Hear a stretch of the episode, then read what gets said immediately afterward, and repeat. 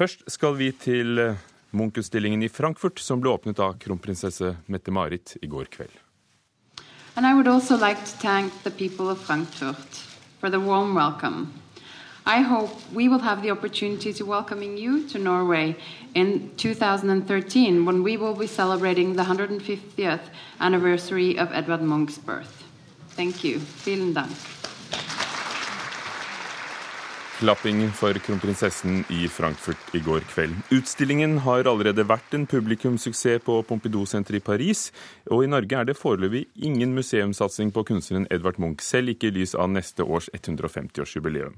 Så langt har arrangørene av Munchs 150-årsjubileum bare fått en tiendedel av det Henrik Ibsen-året fikk i offentlig støtte. 4,5 millioner kroner mot 44 millioner kroner for dikteren. Det er skandaløst lite, mener Munchs arvinger så er det jo skandaløst lite, da.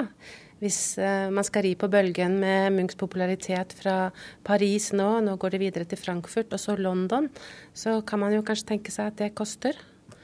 Så 4,5 million, det holder kanskje ikke. Det sier Elisabeth Munch Ellingsen, som representerer Munch-arvingene. Hun mener Norge må ta bedre vare på arven etter Munch. Det er flott at Ibsen-året ble viet så fikk så mye midler, og at det ble en suksess. Men det syns jeg også Munkåret kan få lov til å bli. Jeg kan jo ikke fri meg fra å se dette litt i sammenheng med hele Lambda-diskusjonen. Og da tenker jeg det er en, den politiske viljen til å, å, gi Edvard Munch den plassen han fortjener. Både nå med omgjøringen av Lambda og, og nå med jubileet. La, la Munch få den plassen han fortjener. Også Høyres Olemic Thommessen i Stortingets kultur- og familiekomité synes de offentlige bevilgningene er lave. Det er klart at 4,5 millioner er lite, fordi eh, det er rett og slett ikke eh, så veldig mye verken på utstillingssiden eller på annen måte du får ut av de pengene. Thommessen mener staten må stille som garantist for å sikre at Munchs malerier blir vist fram til folk over hele landet neste år. Problemet er i Norge, altså innenlandsutstilling. Eh, der er jo det at eh, forsikringspremiene med å ta imot disse bildene er så høye at få museer, hvis noen, kan faktisk makte å ta imot eh, bilder av Edvard Munch. Og det er, det er veldig synd, og det burde man ha jobbet mer med i forbindelse med jubileet. Det kan komme mer penger til Munch-året i neste års statsbudsjett. Kulturminister Anniken Huitfeldt lover ikke noe beløp, men sier at det vil bli en skikkelig feiring. Vi har ikke tatt stilling til hvor eh, stor bevilgning det vil bli fra staten foreløpig. Men det er klart at når Nasjonalmuseet går inn, så blir det en betydelig feiring. Nå viser han jo over hele Europa. Nesten 500 000 har sett han i Paris, og veldig mange vil se han i Frankfurt og seinere under OL i London. Og vi skal legge til rette for en betydelig feiring av han også i Norge. Direktør ved Munch-museet Stein Olav Henriksen ønsker seg mer penger til å løfte fram Munch. Eh, vi har en ambisjon om å komme opp i 20 millioner som en grunnkapital for å gjennomføre jubileet på en eh, skikkelig eh, flott måte. Og Vi er langt fra det i dag. og Vi har jo gode prosesser både i forhold til staten og i forhold til kommunen, så vi håper jo å komme i land med et bedre nivå enn det vi har i dag. Jeg vil ikke si at det går trått, men det er klart at vi begynner å nærme oss jubileet nå, så vi trenger kanskje å ta noen beslutninger. Så, så Sånn sett så, så føler vi at vi er litt under press her. Men samtidig så har vi jo en god følelse med at vi skal kunne få til noe som gjør at vi kan skape et godt jubileum for Edvard Munch. Det er ikke tvil om at Edvard Munch er mye større ute enn hjemme. Eh, vi ser at han har jo en eh, fantastisk eh, stemme ute i det internasjonale rom og er veldig populær. Vi hadde 160 journalister her tidligere på pressekonferanse, og det er klart at det får vi ikke oppnådd hjemme. Så det å bygge opp en forståelse for hva denne kunstneren betyr, og la nordmenn i mye større grad få oppleve Munch og det han representerer, det er jo en viktig oppgave for oss sa direktøren ved Munch-museet Stein Olav Henriksen, og reporter var Ida Kvittingen. Og Munch-utstillingen i Frankfurt den henger der til 13. mai, og så skal den vises på Tate Modern fra juni til oktober, og kommer til Norge etter dette. Kulturkommentator her i NRK Agnes Moxnes. Ibsen-jubileet fikk 44 millioner kroner fra staten. Edvard Munch-jubileet til neste år 4,5 millioner kroner. Har myndighetene forsømt seg? Ja, men det vi må huske, det er at Ibsen-jubileet ble, altså Ibsen 2006 ble forberedt i ti år. Eh, daværende kulturminister Turi Birkeland hun gikk inn i 1997 og nærmest instruerte alle som hadde Ibsen-interesser. Det gjaldt eh, Grimstad, Skien, Oslo, det gjaldt universitet, det gjaldt teatret, det gjaldt forlag, og ba dem om å samarbeide og jobbe frem et jubileum. Så pengemangelen for når det gjelder Munch-året, og det er klart 4,5 millioner kroner, det er ikke særlig mye penger. Det er egentlig uttrykk for manglende statlig og kommunal innsats eller vilje til å satse på et skikkelig Munch-år i 2013. For da er det altså 150 år siden han ble født, vår mest eh, kjente kunstner. Og hvorfor er det ikke blitt satset tidligere og lagt mer penger på bordet? Altså, Vi har jo to museer som liksom skal være kraftsentrene i norsk eh, Munch-satsing. Det ene er Munch-museet, som er eid av Oslo kommune. Og det andre er eh, Nasjonalmuseet. Og begge disse museene har jo vært i en slags unntakstilstand de siste årene. Eh, Munch-museet som et resultat av eh, mange ting, men ikke minst av eh, da Skrik og Madonna ble stjålet i 2004, som førte til at museet var stengt i lange perioder og vært utskiftninger av ledere. Stein Henriksen, som vi hørte i dette innslaget fra Frankfurt, han har vært nå ansatt i halvannet år. Han kunne ikke noe om Munch da han begynte. Han brukte brukt mye tid på å bygge kompetanse og brukt veldig mye tid på, på Munch-museet, altså et kommende Munch-museum. Når det gjelder Nasjonalmuseet, så er det jo det et museum som nesten har vært revet i filler innvendig pga. indre konflikter og store organisasjonsendringer.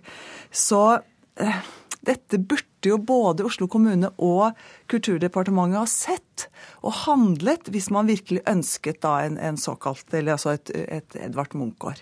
Så har altså en halv million sett utstillingen i Paris, den skal til Frankfurt og London. Og hver gang Edvard Munch vises i utlandet, så er det besøksrekord. Det skjedde i Lugano i 1998, på MoMA i 2006 i New York, i Basel i 2006, og for to år siden også i Paris. Med den private Munch på Pinacothèque de Paris var det også lange køer og rekord på det museet.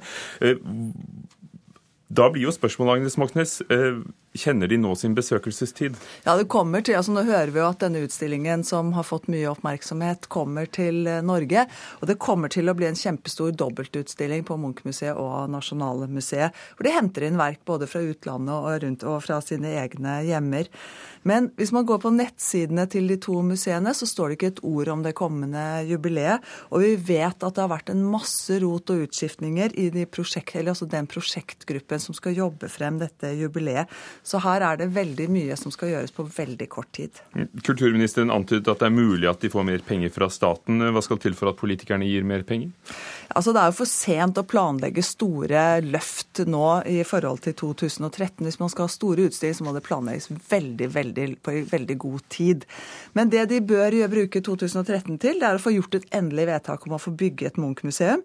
Det er å løfte Munch ut av Oslo-gjørma, for nesten å kalle det det, og gjøre han, som Ole Mikk Thommessen sa, gjøre han nasjonal.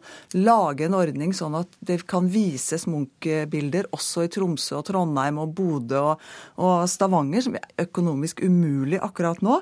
Og så må det satses på mye mer Munch-forskning. Så Edvard Munch trenger et løft, selv om han er så kjent? Jeg vil si at Edvard Munch har det, fått det løftet. Han får det gang på gang når han vises ute i verden. Han trenger ikke et løft, han trenger omsorg. Agnes Moxnes, takk. De to svenske journalistene som sitter i fengsel i Etiopia, kan bli benådet. Det melder Sveriges Radio i dag. Den etiopiske statsministeren uttalte nylig at han åpnet for å benåde både politikere og journalister som er dømt for brudd på den etiopiske terrorloven. Statsministeren nevnte spesielt de to svenske journalistene Shibby og Persson, som i desember ble dømt til elleve års fengsel for medvirkning til terror. I april går det mot slutten for den populære dramaserien House. Siden 2004 har den amerikanske sykehusserien med den britiske skuespilleren Hugh Laurie i tittelrollen blitt vist i 66 land, og i flere år har eh, vært på listen blant de ti mest eh, sette og beste TV-seriene i USA.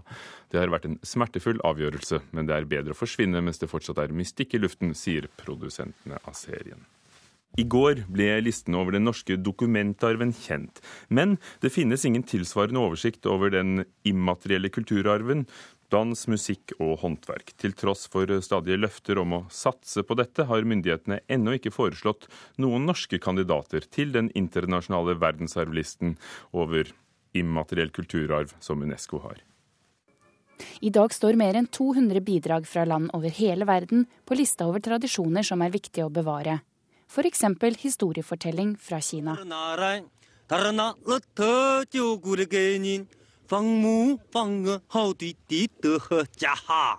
Men Norge er ennå ikke med.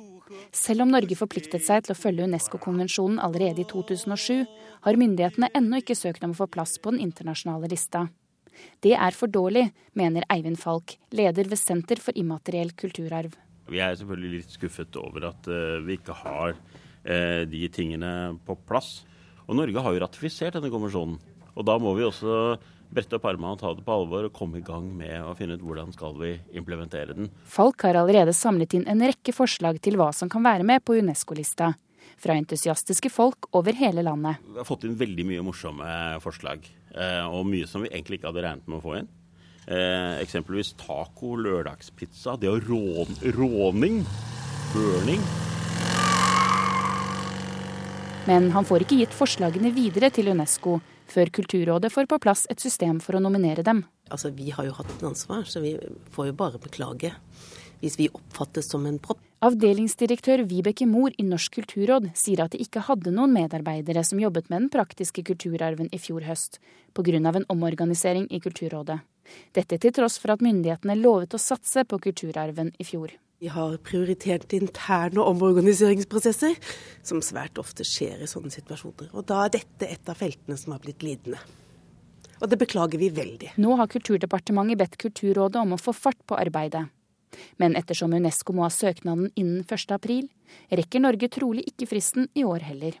Uh, nei, det gjør vi ikke. Jeg håper at i løpet av våren at vi skal være opporganisert, og at vi skal være godt i gang med det arbeidet, slik at vi i hvert fall kan si det til konvensjonen. Det er viktig for Norge å rapportere noe, og at det er en fremdrift. Og jeg må bare beklage at eh, den ikke har vært eh, rask nok, men nå er vi i godt gjenge. Eivind Falk sier det haster med å få bevart den praktiske delen av kulturarven.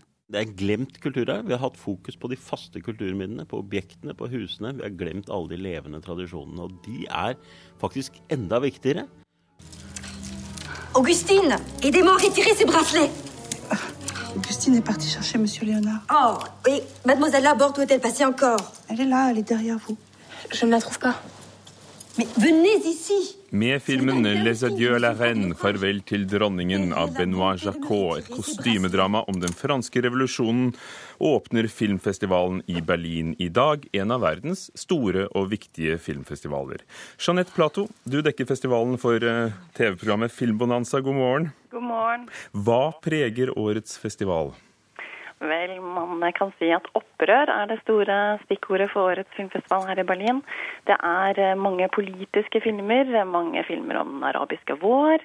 Eh, og sånn sett så kan man si at åpningsfilmen passer inn i det, for det er jo nettopp opprør der. Altså franske revolusjon, da. Litt annen type enn den arabiske vår. Men eh, Berlin er jo kjent for å være en festival som har mer fokus på filmen, og gjerne politisk film. Er det noen spesielle filmer det er store forventninger til? Vel, her er man jo også opptatt av store navn. Uh, Angelina Jolie har jo sin regidebut her, som skal vises her. Den heter 'In the Land of Blood and Honey' og handler om uh, krigen under Bosnia. Et, eh, et kjærlighets, en kjærlighetshistorie der. Den er det store forventninger til. hun er jo en veldig kjent skuespillerinne og figurerer også i ukebladene. Betyr det at kanskje hun får mye oppmerksomhet på bekostning av andre filmer? Selvfølgelig så er det jo det som veldig mange av eh, avisene og journalistene jakter på her, er å få de store navnene, for man vet at det selger. Men, men, man kan si at eh, til forskjell fra Cannes, hvor det er veldig mye glamour og nettopp eh, kjendiseriet man er på jakt etter, så er Berlin mindre sirkus og mer fokus på film. Sånn at her er det ja, det er en litt, litt annen type diskusjon som foregår da, i forhold til hvilke saker man har lyst til å skrive som journalist, f.eks. Ja, hva slags festival er det der hvor det gjerne er mellom null og minus ti grader? Ja, det er jo nettopp det, da. Altså, Berlin er uten tvil en av de store europeiske filmfestivalene. Så har du Cannes i mai, Venezia i september. Da er det betraktelig varmere og betraktelig mer glamorøst. Her er det grått og minus åtte. Så det er på en måte mer eh, allværsjakken som teller enn en de sexy, lettkledde klærne. Um, men det er en veldig viktig filmfestival. Det er et stort marked her som har blitt viktigere og viktigere hvert år. Eh, og du kan si at det er, eh, det er mange store filmer som, får, eh, som blir store takket være at de er med her i Berlin. Vi har nevnt Angelina Jolie. Hvilke andre store stjerner gjester festivalen i år? Jo, altså Eksmannen hennes, Billy Bob Thornton, er med i konkurransen med en film han også som heter Jane Mansfields Card. Det handler om, om Vietnam-perioden i USA. Så har vi da Robert Pattison fra Twilight-sagaen. Han vil sikkert være den som får de aller største hylene på den røde løperen. Eh, og så har vi Christian Bale, som også er her. Også ikke for å glemme da Meryl Streep, som kommer hit for å få en ærespris. Meryl Streep, som mange har sett som jernkvinnen i disse dager. Det er færre norske filmer i år enn i fjor, men det er en norsk-tysk film i hovedprogrammet som altså konkurrerer om Gullbjørnen, 'Nåde'. Det er eh, en, en tysk regissør som heter Mathias Glasner. Han vant to priser her for filmen hans 'Den frie viljen' i 2006. Mange har den som sin favorittfilm. Eh, nå er han altså tilbake med nåde. og Det som er norsk ved den, er at det er da en norsk produsent som heter Kristine Knutsen. Hun er basert her i Berlin, men er altså norsk og er opprinnelig fra Hammerfest. Og det var hun som da spurte Mathias Glasner om kanskje de kunne lage denne filmen sammen i Hammerfest. Så hele filmen er spilt inn i Hammerfest utenom noen interiørscener der hvor det bare later som om de er i Hammerfest. Så her bruker han aktivt det nordiske, eller norske lyset eh, som en hovedaktør i filmen. Så det er, det er en ekstremt vakker film. Eh, og det er uten tvil at det, at det er fra Hammerfest. Det er bare noen norske biroller. Det er ikke noen store roller, men Andal Torp har en liten birolle. Du, du har jo vært og, og, laget reportasje om opptakene og besøkt dem. Hvilke forventninger har du? Du, jeg forventer eh, fantastisk skuespilleri fra de tyske skuespillerne som jeg vet er fryktelig gode fra før av, for de var med i Den frie viljen så forventer jeg at det er en vakker film. Ut fra det jeg har sett nå i forkant, så, så kan vi absolutt forvente det. Så handler det om Det er et drama om et tysk ektepar som sliter, flytter til Hammerfest, skal prøve på, på nytt, få en ny sjanse. Og så en natt så kjører moren i familien på noe hun tror er et dyr. Men så viser det seg at det var en 16 år gammel pike. Mm. Så det er eh, drama. Jeanette Plato fra Berlin, takk for at du var med og mm, fortalte oss om hva vi kan vente oss. Og vi følger selvfølgelig filmfestivalen her i Kulturnytt videre. Den franske filmen 'Snøen på Kilimanjaro' har vært på uvanlig mange festivaler over hele verden, og også i Norge, men nå kommer den på kino. Vår anmelder Einar Gullvåg Staalesen har sett den. 'Snøen på Kilimanjaro' er vinterens nydelige film om livet. Den er den gode følelsen. Den er den humanistiske oppstiveren. Filmarbeidet er ikke perfekt. Det er biroller som regissøren Robert Gedidia har gjort rett i å dempe ned. Det er noen stereotyper både i handlingsmønster og rollegalleri som kanskje svekker realismen. Det er passasjer som er mer småhyggelige enn effektive fortellergrep. Men filmen er herlig enkel og klar, og historien omfatter treffende og overraskende sider ved det å høre til i et samfunn hvor vi lever for hverandre og vegeterer på hverandre.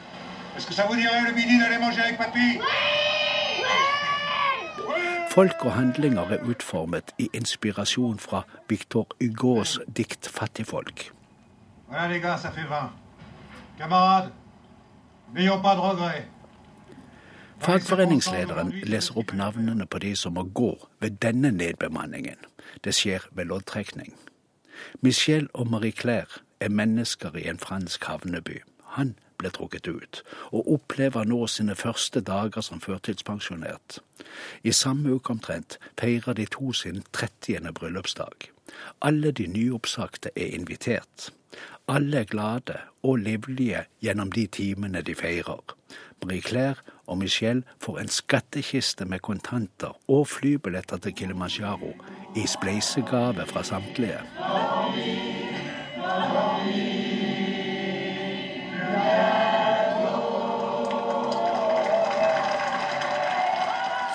Filmens tittel er hentet fra en strofe i synger. Den refererer ikke til Ernest Hemingways roman med samme navn. Gjestene synger for 30-årsbrudeparet. Nå skal den oppsagte og avlagte fagforeningsmannen og den gode hjemmesykepleieren på safari. De skal endelig få oppleve luksus. Dagen etter er det mange som vet at ekteparet har en liten formue i kontanter hjemme. Ce matin, j'ai rencontré un vieux monsieur. Bougez pas, fermez vos gueules, assis, toi Fermez vos gueules Marie-Claire De to maskerte nøyer seg ikke med kontantene. De tar billettene og tvinger seg til bankkort og koder i tillegg. Ekteparet og svigerinnen og svogeren sitter teipet og bundet til utpå neste dag. De har det like ille, overgriperne og ofrene deres. Alle er ofre. Noen er sviktet av fellesskap og samfunn. Andre er angrepet av enkeltpersoner som er fratatt levevilkår og verdighet. Einar Gullvåg Staalesen om snøen på Kilimanjaro og i ettermiddag på P2 klokken 15.40 flere premierefilmer i Mørkets opplevelser.